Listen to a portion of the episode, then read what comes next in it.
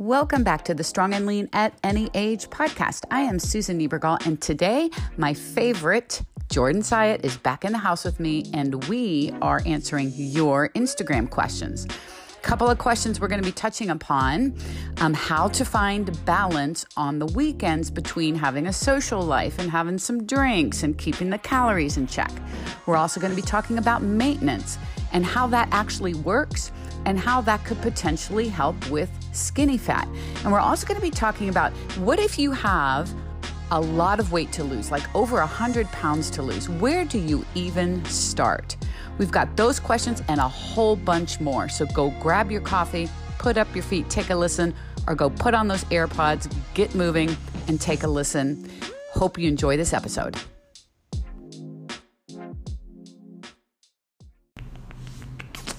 Jordan. Susan. How are you? I'm doing great. I'm uh I'm a, I feel like I'm on a downer after the donut, like the sugar crash.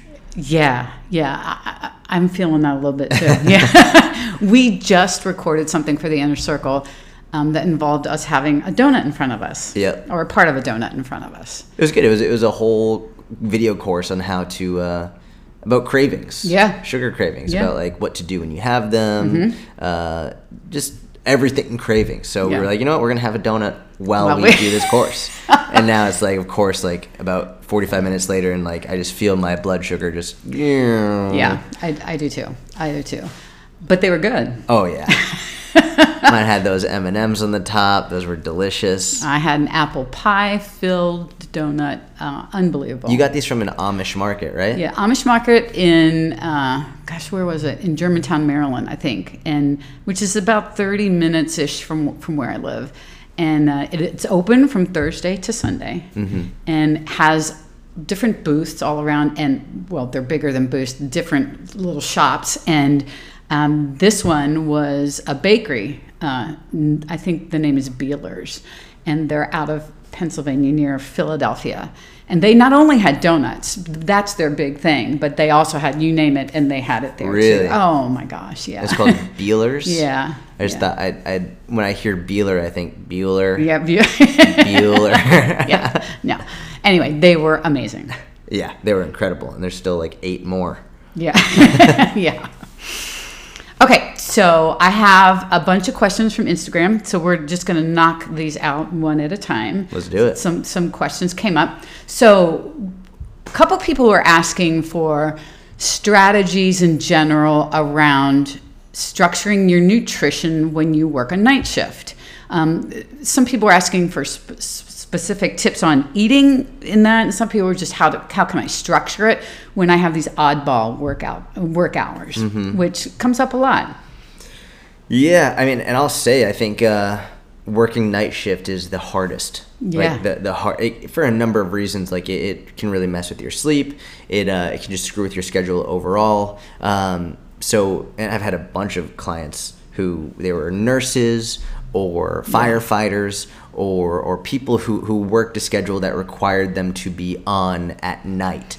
Um, which or even often you know who has a really hard time with it is truck drivers truck drivers have a really really difficult time because like getting them to be active during their shift is very very difficult mm-hmm. so there, there's a lot of struggles with with night shift style working um, so start by saying i understand it's harder yeah. and and if you're going if that's how you're currently working if that's how the only way you're able to to uh, to pay your bills it doesn't mean that you can't achieve your goals you can but it's i think it's worth knowing that I empathize with you because it is harder, mm-hmm. right? It's harder. It's so harder. No, no use in saying like, oh no, it's not hard. Like it is, but you can. There's still things you can do. Um, the the most obvious one that I think is it's so funny. Like usually the things that I think are the most obvious are the things that are also the ones that matter the most that most people aren't doing. right? It's like I, I think uh, most people are looking like, do you have any tips or tricks or things? And they're looking for things that they've never heard of before because they just want a, a unique idea. Mm-hmm. It's sort of like when people are like, oh, like, do you have any exercises for this or exercises for that? It's like, yeah, well, you should do squats, and yeah, you should do deadlifts, and yeah. you should do push-ups, and you should do chin-ups. It's like the obvious ones, but they want something new and unique. Mm-hmm. It's new and unique doesn't mean it's better. I think people are just like they get they get bored. So they're like, well, I want something new. I want something new. It's uh, just because it's new doesn't mean it's better. And I think, in g- generally speaking, the the boring things, the big, the obvious things, are the things most people actually need to work a lot on. So I, think the, the most obvious one and the most important one is regardless of, of, what you do for work or regardless of what your schedule is or your shift is, you have to make a schedule for you to follow. Um, I understand not every day will be the same and not every every shift is going to be the same, but you should have at least a schedule of showing, hey, like generally speaking, around what time will you eat? So for example, it, a lot of times with calories, you say eat 2,000 calories. People will sort of freak out because if they have 2,001, then they think they ruined it. So cool. So we figured out okay. So if we give them a range between 1,800 to 2,000, it's a little bit. It gives them mm-hmm. more leeway. So if you don't know exactly what time you're going to be eating, then make a range of times. Like instead of saying I have to eat at one, make it between 11 and two or something like. Just give a range of when your meal is going to be, so that you can fall within that range on a consistent basis. Um, um, I would say so. So making a schedule of when you're going to eat. I would say uh, even something as simple as if you're not going to be counting calories, like if you're if, if you're going to do the three plates two snacks method, for example, what what time ranges will you be having your meals in, and what time ranges will you be having your snacks in?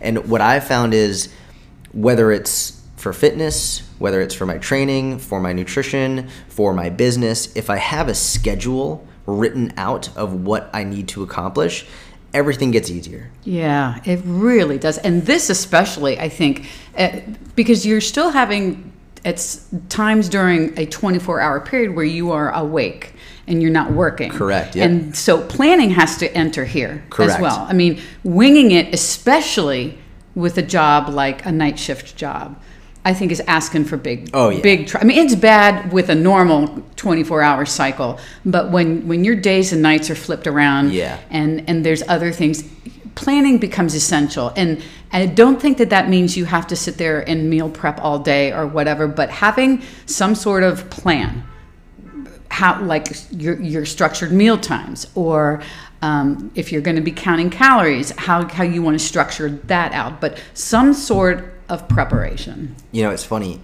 When I was coaching Gary, when I was coaching Gary Vaynerchuk, I, I didn't have like I didn't have two days that looked the same ever. Yeah. I was traveling all over the world. I was in if Gary was in Hong Kong, I was in Hong Kong. If he was in LA, I was in LA. I traveled more than I was home, but I made bright lines, like rules for myself for things that I had to follow. So for example, one of the things was if I had control over what I could eat prior to going to the airport, then I would always eat going to, before going to the airport, and I would essentially fast uh, from the airport during the flight.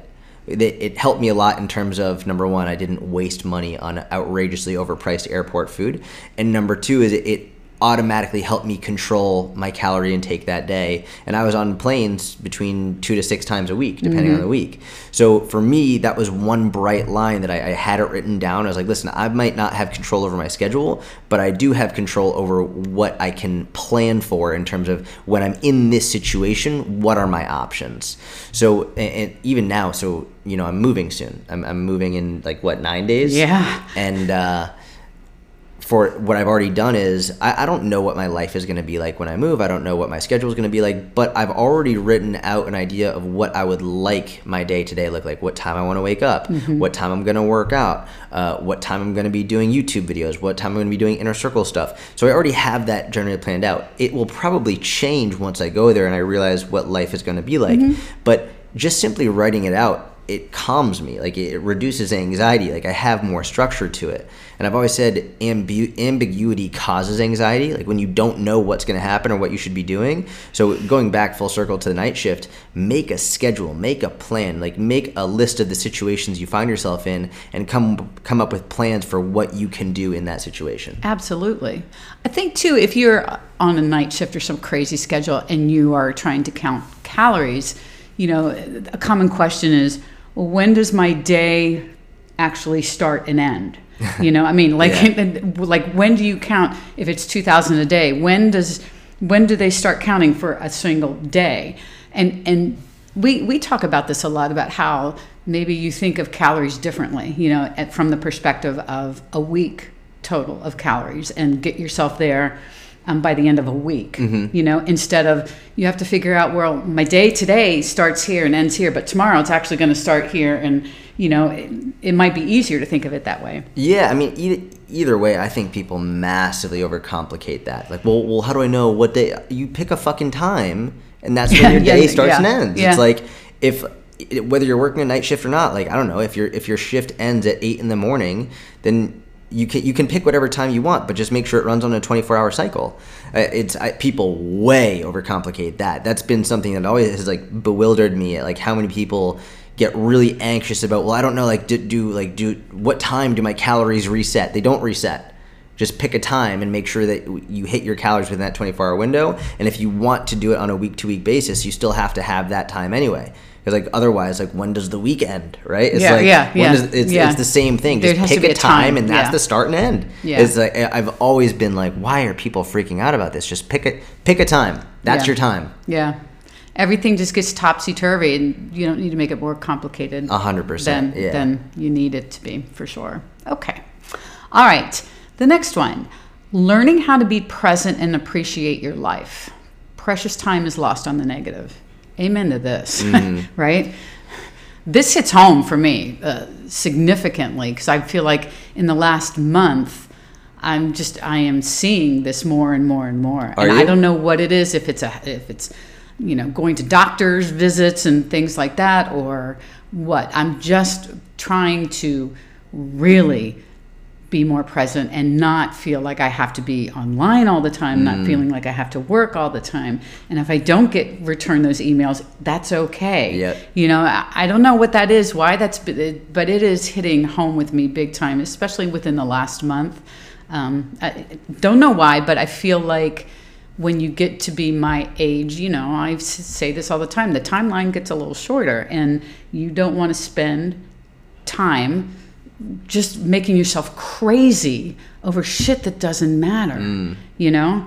Because, gosh, if my timeline has gone from really long to really short, do I want to spend the last little bit of this being Right. all worried about not returning a freaking email? Yeah. You know? Exactly. Yeah. I mean, this is like the this is a question for like the Dalai Lama or something. Like, this is for like a, for like someone who's ver truly enlightened. Yeah. I, I don't claim to have the answer to Yeah. this at all. I think it's something that we all struggle with. I think it's something that has gotten harder for me as I've gotten older.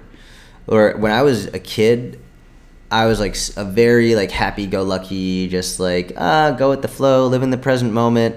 But the more responsibilities I've taken on, the harder it's become. A- And I think the greater the load that you bear on your shoulders, the more difficult it becomes to appreciate the present moment. Uh, and again, just because it's harder doesn't justify not doing it, doesn't justify not trying. But I, I think recognizing like, hey, like I don't know, you're a mother, you're a father, you've got you've got kids, you have uh, jobs, like you're trying to like take care of your parents, you're trying whatever it is, like whatever you have going on. As you get older, you get to a point where it, it becomes very very difficult to focus on the present moment because so much of your focus is on on helping maybe other people's future, your own future, uh, people's around you, making sure they're okay. It's like so much of what you're doing is focused on making sure people are okay in the future. Uh, and so much of your life is focused on the future. So, I mean, I, I don't claim to have the answer to this, but I mean, I think one thing that's this is like going to probably go a different direction than, than people expect, but one thing that's helped me is, is actually like prayer has helped me a lot. Um, and not pushing any religious beliefs on anybody, but for me personally, taking several minutes randomly throughout the day just as, as to say thank you uh, within a prayer to for being healthy for being happy for having family for having friends for having a business for it for just saying thank you for what i have and listing off all of the things that i have in this moment has helped me a lot uh, and it's something that I do every day when I wake up. I do it every day after I work out. I do it every day uh, before I have a meal. I do it every day before I go to bed. So it's like four times throughout the day. I'm just like saying thank you for all the things that I have, and just by listing them all off in that moment brings me a little bit back towards the present. I think that's really important because uh, we see people that post, you know, gratitude stuff Mm-hmm. all the time. And I think this is all part of that, as you were saying. I, I really think that is key. And the more you do that, Mm. you said four times a day or something like that, um, the more that it's not just something that you're doing just to check a box, right? Right. It is something that you start internally believing, Yeah. um, and and really uh, taking on. And I think that that is the goal. I know it's a goal for me. Absolutely, it's a goal for me. And I think um, for so many people would benefit from that as well. It's not, you know, it's obviously it's not easy. I mean, nothing is easy really, but um, being aware is like with most anything else we talk about is where it has to start. Yeah. You know, I mean, it does. But I, I think, yeah, gratitude, uh, genuinely grateful, not just saying, Correct. I'm grateful. Yeah. But feeling it. Yeah, I think um, I'm not sure if this is the opposite of it, but I know like a big regret that people often have is when they took something for granted. Like, oh, I took my health for granted. Yeah. I took my my my family or this friend or my job or whatever it was for granted, and only when they didn't have it anymore did they realize how great it actually was. And so I think for me, you know, as I'm saying thank you for the things that I have, oftentimes I would imagine what it would be like without them which is like a little bit scary. Like with what I whatever I have in my life, what would it be like without without Susan in my life? What would it be like without my fiance in my life? What would it be like without the inner circle in my life? And uh, when I take those moments to think about, well, what would it be like if I didn't have? What would it be like? Even something as simple as what would it be like without jujitsu in my life? What would it be like without rollerblades in my life?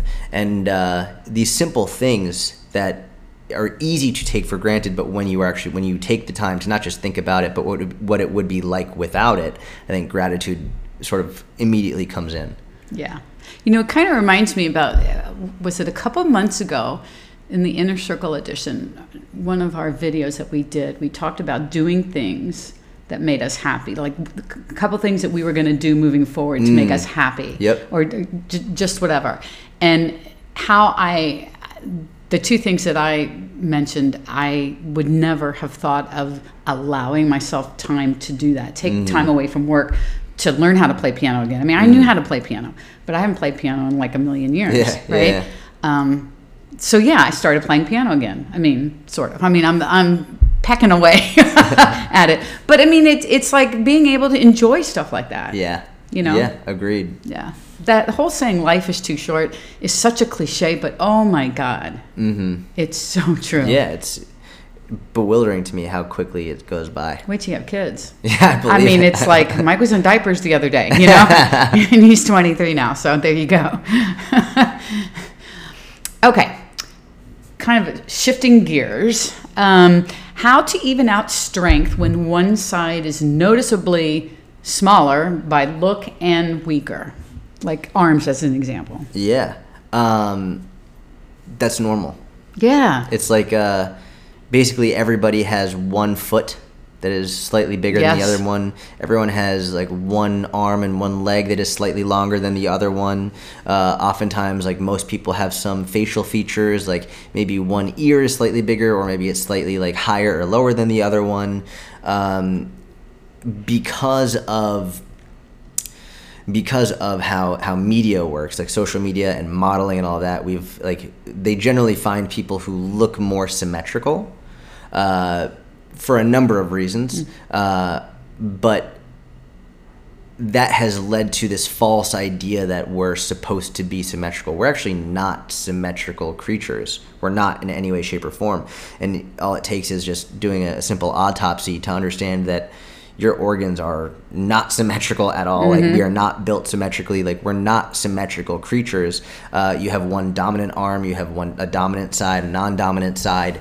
Um, for whatever it's worth, I think if you think something is noticeably smaller or weaker, what's noticeable to you is probably you hyper focusing on it. Um, I know, for example, like I'll see things in myself that like I could say to someone else, they'd be like, "Really? I, I don't see that at all." It's like the more you look at something, the more insecure you are about something, the more and more and more you see it, even though other people probably don't notice it at all.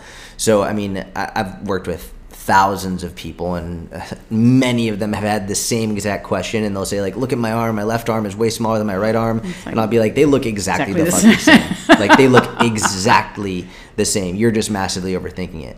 Um, it, it's sort of being like, well, how come like I, when I write, with, I can write perfectly with my right hand, but my left hand it looks like another language. It's like you can improve it, like you can get better, but it's never going to be as good because you have a dominant side. So my right arm is significantly stronger than my left arm. Yes. Like, and that will be like that for the rest of my life. That you just you continue to train. That you don't change anything about your training.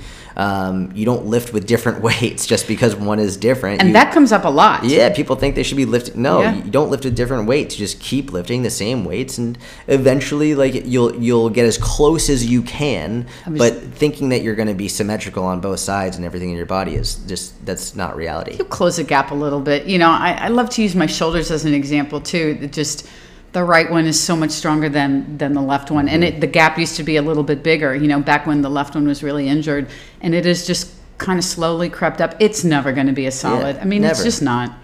And and when you do, if we use shoulders as an example, um, an exercise which you're pressing with dumbbells, one in each hand, um, the left hand's going to dictate what you do. I mean, you know, you, you can't you can't let the the stronger quote uh, arm dictate what the poor left guy is going to have to do or whatever. You Yeah. know, I mean, it is what it is, but. it- I think you're right. I think we hyper focus on what we, Yeah. what, you know.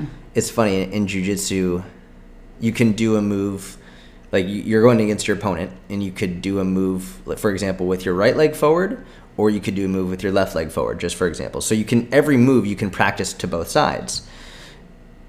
Going towards my right side is always my better side. If I and I can do a move and it's really efficient. When I go towards my left side, it's just c- way more uh, discombobulated. It's far less efficient. And I was talking to my coach Hoffa about it, and he laughed. The the the, the belts in jiu-jitsu go white belt, blue belt, purple belt, brown belt, black belt. Okay, it usually takes about ten years to get your black belt. Hoffa was laughing. He told me when he goes to his right side, he performs like a black belt.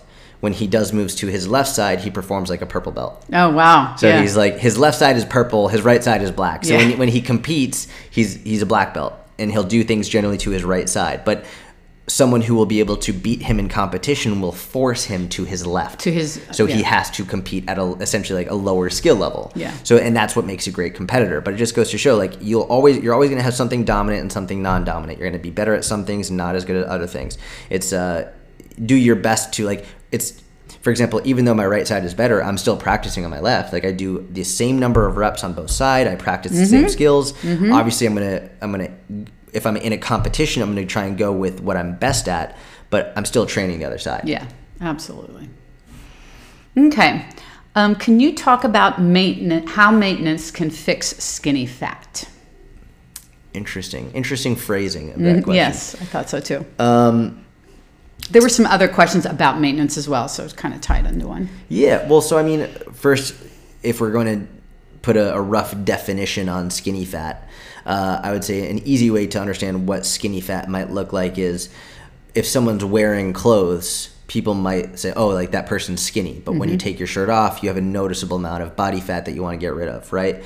So it's not like you're significantly overweight, but you also you do have body fat you want to lose. And so this is generally what people refer to as skinny fat. They would like to lose body fat, but they also want to build muscle. And so they're sort of unsure, well, should I go in a surplus? Should I be in a calorie deficit? What should I do? Um, so with that in mind, one of the reasons I'm such a huge fan of maintenance for these people is generally speaking, if if you if you are leaning more towards skinny fat, odds are you haven't been strength training for a long period of time.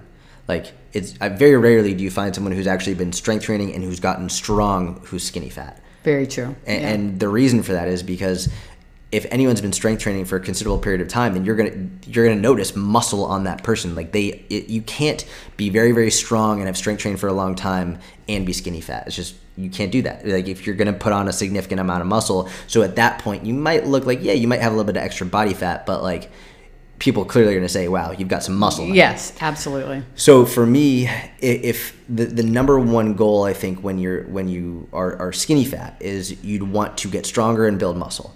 I think that's your, your foremost focus because when you do that, even if you're not losing body fat, you're going to fill out. Your muscles are going to get more defined. You're going to get bigger, more stronger muscles. Your performance is going to improve. And the way to optimize that is not by being in a calorie deficit. You're just not. So if you're near the beginning of your strength training career, you want and you want to optimize your muscle growth and your strength gain, at the very least be in maintenance, if not a slight surplus.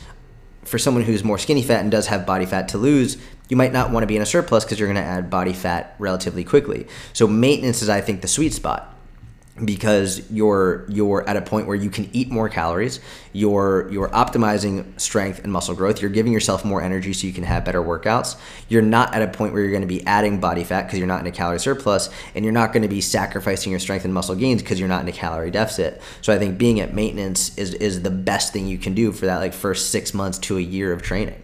So what do you say to the people that are concerned well I, I, don't want the scale to go up like well is the scale going to go up and how much is the scale going to go up if i go into maintenance? I say shut up. Yeah. I say shut your mouth. Shut your mouth. Shut your mouth and do what i say just shut your mouth. It's like you don't care what the scale says. You really don't. What you care about is how you look. Mm-hmm.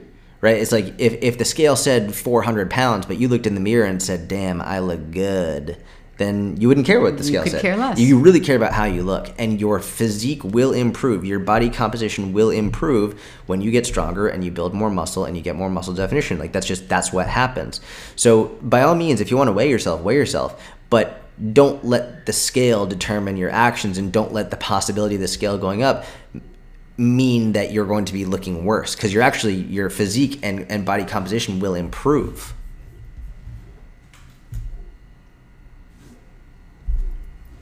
Yeah, I think um, one thing that, that pops up uh, frequently is that people are, because they're afraid of the scale, then all of a sudden maybe they don't eat the calories that they're supposed to be eating mm-hmm. for maintenance, right? Mm-hmm. And we go through that whole cycle. So really, it it is you want to change how you look. That's really what almost every single person wants.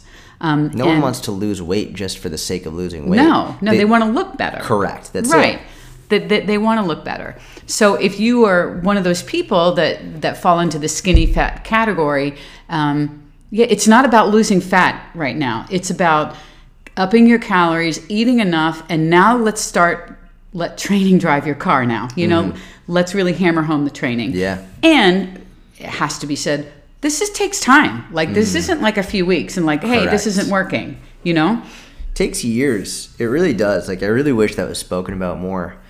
I mean, it's funny. I think the only reason that I was really consistent in the gym when I was younger is just because I loved it mm-hmm. and I did what I loved. I one of the reasons I think I did that is because I I didn't just do one thing.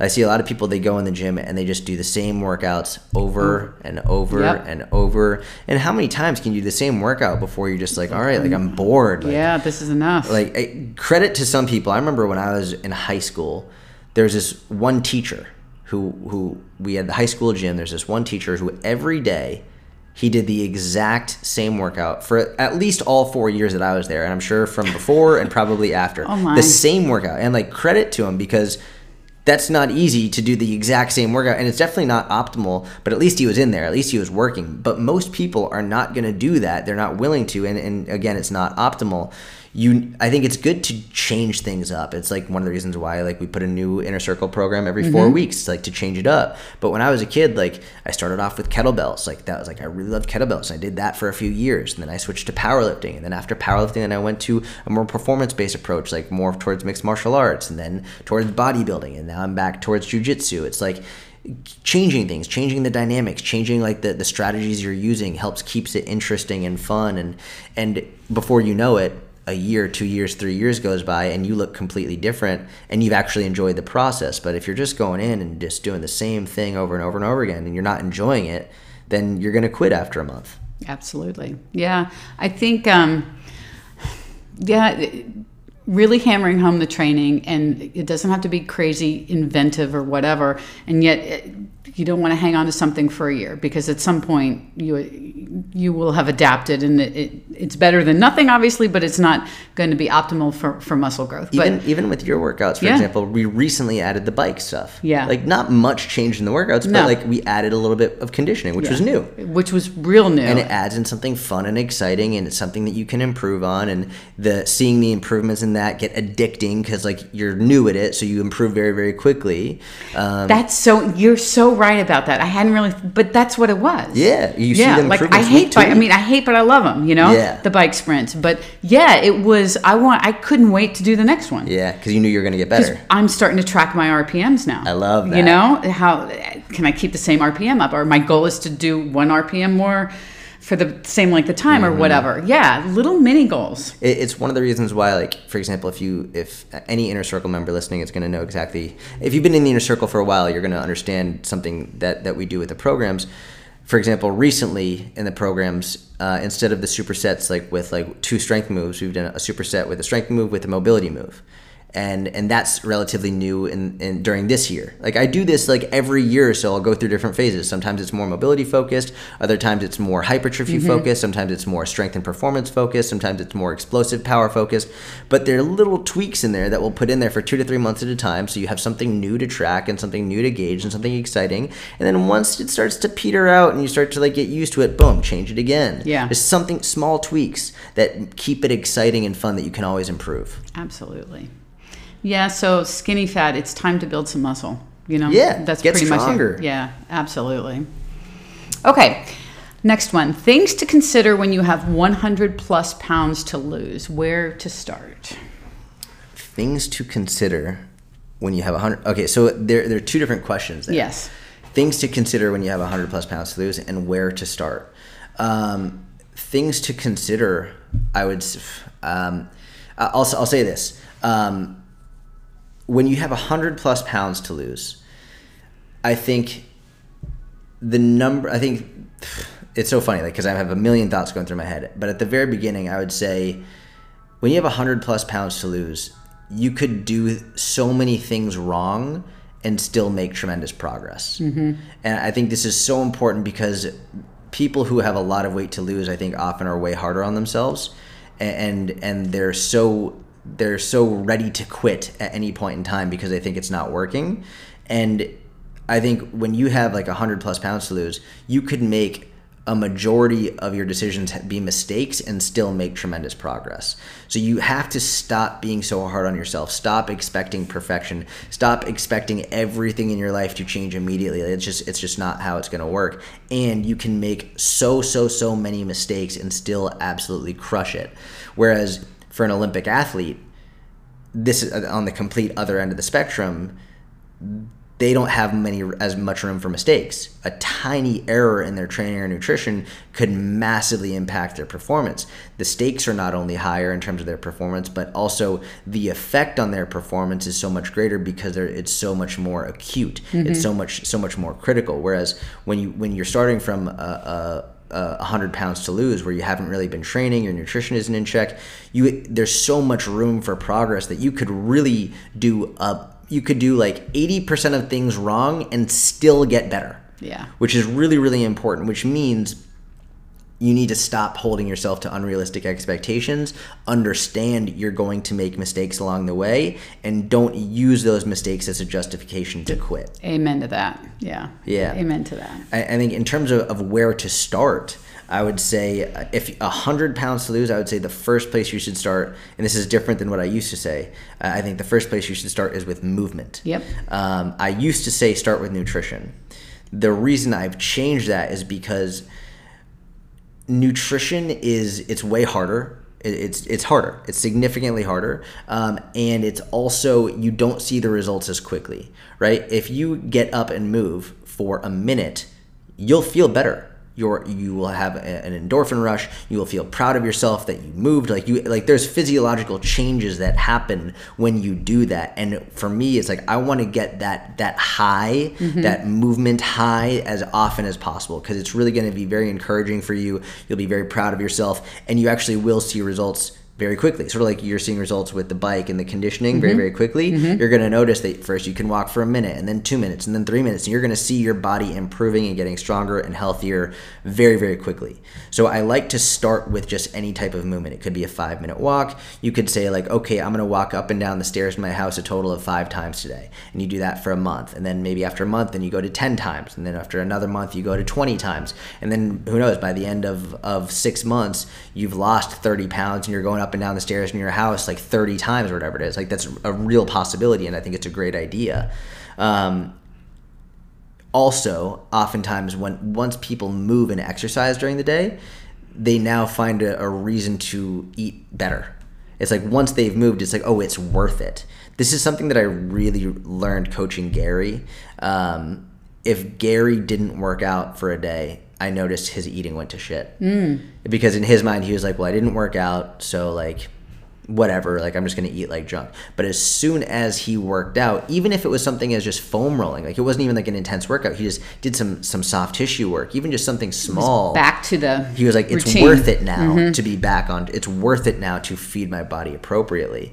So it's funny when I tell people focus on nutrition first. Oftentimes they don't exercise and they're likely to fall off track with their nutrition. But when I say focus on your movement first, they end up feeling better, they continue to exercise, and they start to eat better because they want to fuel their body to help with their movement. That's such a great point that I think people don't think about. Mm. You know, they, how much better you will feel when you start moving, even if it's a minute, which will one day be five minutes, and then 10, and then 15, and, yep. and so on, and how much better you will feel from those minutes, and how that will affect your choices mm-hmm. from a nutrition standpoint. Yeah. Without even being in a formal counting or anything, Exa- right? Yeah. It's just awareness. That's it. Yep. Yeah. And like, you know, when someone starts getting the nutrition in check, if you have a lot of weight to lose, oftentimes, you know, you're having an apple or whatever it is, like you're eating it and you're like, this sucks. Like you're thinking about having the Cheetos or the pizza. Mm-hmm. You're just like, you're not happy. You're like, oh, like, I, there's no way I'm going to be able to sustain this. But when you start with movement, you will feel better when it's over. There's no question about it. You'll be proud of yourself that you did it. You eat an apple, you're not always going to be proud of yourself. You're like, oh, well, it wasn't really satisfying, right? but when you move, you're proud of yourself, and then you find through that that that feeling of, of happiness and pride and motivation, you are then you're like, you know what? I'm gonna eat something good now. Like I'm gonna fuel my body properly because I just did something really good for my body. So I think it, it's the natural progression. I love that that makes it such a big difference. Balance on the weekends between social life slash alcohol and keeping calories in check. Yeah, this is a good one. Um, balance on the weekends between social life, alcohol, and keeping calories in check.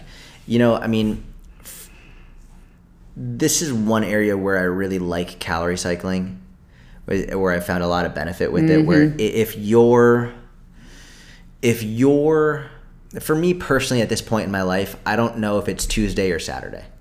Like, me too. I, I don't, don't know. know. what day it is. I, like, I, very regularly wake up and I ask my fiance what day is today because yeah. every day is almost the same, they feel regardless the of, of mm-hmm. whether it's the weekend or not. At a different time in my life, Monday through Thursday were just like mm-hmm. zing, just like like when, you were a teacher. I'm sure yeah. Monday through Friday was felt like one way, and yep, Saturday, Sunday, yeah. completely Friday different. Eve, which was Thursday. Yep, exactly. yep, exactly. So if if your weekends look dramatically different than your weekdays, especially in terms of nutrition, then I would say it would be worthwhile to have lower calorie days Monday through Thursday and higher calorie days Friday through Sunday. I call that the weekend warrior alternating uh, alternate deficit, where your your lower days during the week are relatively easy for you to adhere to because you're you're on track, you have a schedule, you're regimented, and then you give yourself higher calorie days Friday, Saturday, Sunday because you know you're, you're going to eat more and you want to have a little bit more leeway. So that I think works really really well just from a strategic perspective. Um, that being said, one of the issues I've seen with people, whether they do that or not, is if they're like drinking on the weekend or they're going to a party, as soon as they have one drink, as soon as they have one chicken wing, whatever, they just they go all out. All in. Like, okay, yep. well, I had that chicken wing, so now I'm going to eat all of the chicken wings and more. It's like the the best way I think to achieve balance is to actually like call yourself on it and be like, do I really need to have 27 of these chicken wings right now, or could I have seven and be good? Mm-hmm. Right? It's like where where I think people are always in search of balance. Like they're like trying to find balance when it's like, listen, number one, whether or not balance exists is questionable. But number two is you're not going to find it. It's like you're going to practice it. You don't find balance, you practice balance. And that's all within your control. When you're going out, like, listen, there have been plenty of times where, like, the other night I drank a lot. I was out with my jujitsu coach. It was like our goodbye dinner because I'm moving. There was zero balance. Like, I drank an obscene amount of alcohol, more than I have in years,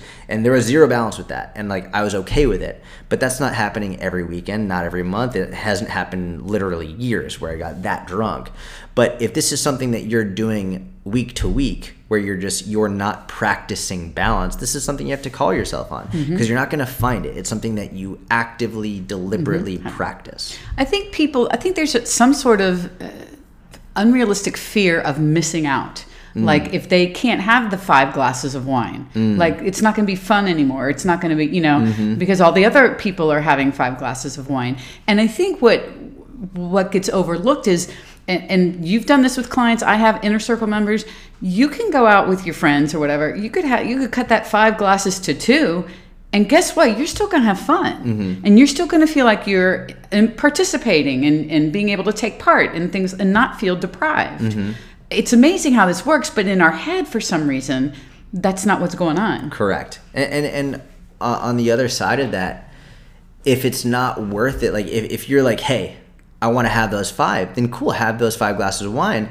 But then you've got to adjust your goals. Like if you if you want to have the five glasses of wine and you want to be shredded all year round, okay, well, are you are you being any form of realistic here? Because if you look at the people who are shredded year round, number one, they're not happy. Yeah. like yeah. I've I've been that. I've done that life. I have clients who've done that life. Like go to anybody who used to be a physique competitor who now isn't a physique competitor and they will tell you on their social media like it was not fun they were not going out they weren't having the five glasses of wine on a regular basis. So you, something's got to give. So if you want to have the five glasses of wine on a regular basis then maybe be okay having slightly higher body fat percentage. It's not saying like you definitely shouldn't be doing that every night but if your weekends are you like going out you like having a bunch of drinks you like having the chips and the dip and all that stuff like cool that's great but maybe you shouldn't be trying to like uh, you shouldn't be expecting yourself to get shredded from your four days of being on point with your calories and then three days of not being on point with your calories. Because if you actually want to reach a very high level of low body fat then you're going to need more than 60% consistency. Yeah i think it comes down to choices. You have, yeah. you have and priorities. I mean you have to figure out what choice do i want to make? Do i want to have the five or the glasses or two? Correct. you know i mean the the good news here is that you're in control of that decision. Correct. I mean, you you can make that decision. You could even make that decision before you leave the house. Yeah. Which is really a great call because then you already know how the night's going to go and th- there's no worrying about going over or I'm going to drink too much and then I'm going to start eating all the munchies, which invariably happens at some point, you know, mm-hmm. and then it's like uh, all hell breaks loose when that's not what you had intended. Correct. Um, so give yourself some guidelines before you head head out the door. And I think the cool part about what we just said is if if people really paid attention, at no point did we ever say you can't drink wine. Yeah. It's like you might just drink a little bit less if your priority is on being more consistent with your calories. Like you can still drink wine, you can still have the chips and dip, you can still have that stuff. But if your priority is to significantly lower your body fat, then maybe you'll drink a little bit less or eat a little bit less. If your priority is just living life and like you're cool having a slightly higher body fat percentage, which is the mindset I'm in right now, and me as well, then great, then do yeah. that. There's nothing wrong with that. Yeah. It's, it's you just have to say like what is your priority and live with that decision. Yeah, I think that's it. And again, you get to control all that. Yeah, it's great. your choice. Absolutely. All right, last one. Is starting a new workout program a reason for weight to fluctuate and or plateau? Um, I'm always interested by these questions because usually the person asking is judging their weight fluctuation or plateau based on the last like 48 hours. Right. Right. They're like weight will have like spiked up all of a sudden or like they haven't lost weight for two days and they're like, oh my God, is this the reason why? It's like, chill the fuck out. Mm-hmm. It, you can't judge your weight loss progress based on any 24, 48, 72 hour period. You just, you can't, which is why we always say measure month to month. I'm not even going to reiterate exactly how to do it here because we've said it in so many different podcasts. Yeah. Um, if your weight will fluctuate consistently day to day week to week like every two three four days you're going to see spikes and drops and, and all these different fluctuations for many many many reasons. One of those reasons can be strength training. If you especially if you start a new training program so if you've been doing the same training program for four weeks and then you start a brand new one that first week oftentimes your weight will be higher because your muscles are, are ad- adapting to a new stimulus you're breaking down your muscle fibers as they're recovering. They're holding a lot, a lot to a lot of water and glycogen, and uh, your weight will fluctuate up. It has nothing to do with fat gain. It's purely your body. Imagine like you take a, a dry sponge and you put it into a, a sink and then you turn the water on, well, that sponge is going to get heavier now because it's holding on to more water. Your muscles do the same thing after a new training program. By the end of the month, having done that workout three, four, five weeks, whatever it is, well, now your muscles are used to it. They don't they don't get as broken down. They don't hold on to as much water and glycogen, so you don't gain that as much water weight from that workout and but it starts all over again when you begin the new workout so yes a, a, new strength training program can cause some water retention and holding on to extra glycogen so that you are you are weighing more but uh that will quickly dissipate after that first week of that program. Yeah. I think p- people just need to make sure they, they're not hitting like this panic button. Like, oh my God, I've done this new program now for three or four days and now the scale spiked Yeah. up and, and there's something wrong. Like, uh, I knew lifting heavy was going to make you, you know, I mean, that kind of mindset, Yep. that freaking out. Yeah. Yeah. listen, every every time I lift weights the next day, I weigh more. Yeah, me too. Every time, Me too. especially lower body. Yeah. especially Yes. lower body, which like makes sense. Where the biggest muscle Muscles groups, Mm-hmm. lower body. Like you have way more muscle mass in your lower body, so it's it's you're going to weigh more afterwards. Imagine like your your glutes and quads and hamstrings. Imagine they're all sponges, like they're huge muscles. Muscles. They're all sponges and they're all soaking up nutrients and water and glycogen after the workout. And you're literally sometimes like when you try and get out of bed after leg day and your legs feel heavy, like part of it is soreness, but part of it is because they're actually heavy. Heavy, right. It's like when you take a heavy sponge out of the sink when it just got filled with water, it feels very different weight wise than when you squeeze all the water out. It's like this is normal. So yeah, you will weigh more after that, but again, weight doesn't equal fat. Absolutely. Well, this has been marvelous. This has been delightful. It's been delightful as always. So, just because there are people that might not know, where can they find you out there? You can Google my name, Jordan Syatt, and whether you want my podcast or Instagram or YouTube, it's it's all in the Google machine. It's all in the Google machine. Amazing. Well, thank you. Thank you. And we will see you later and love you. Love you.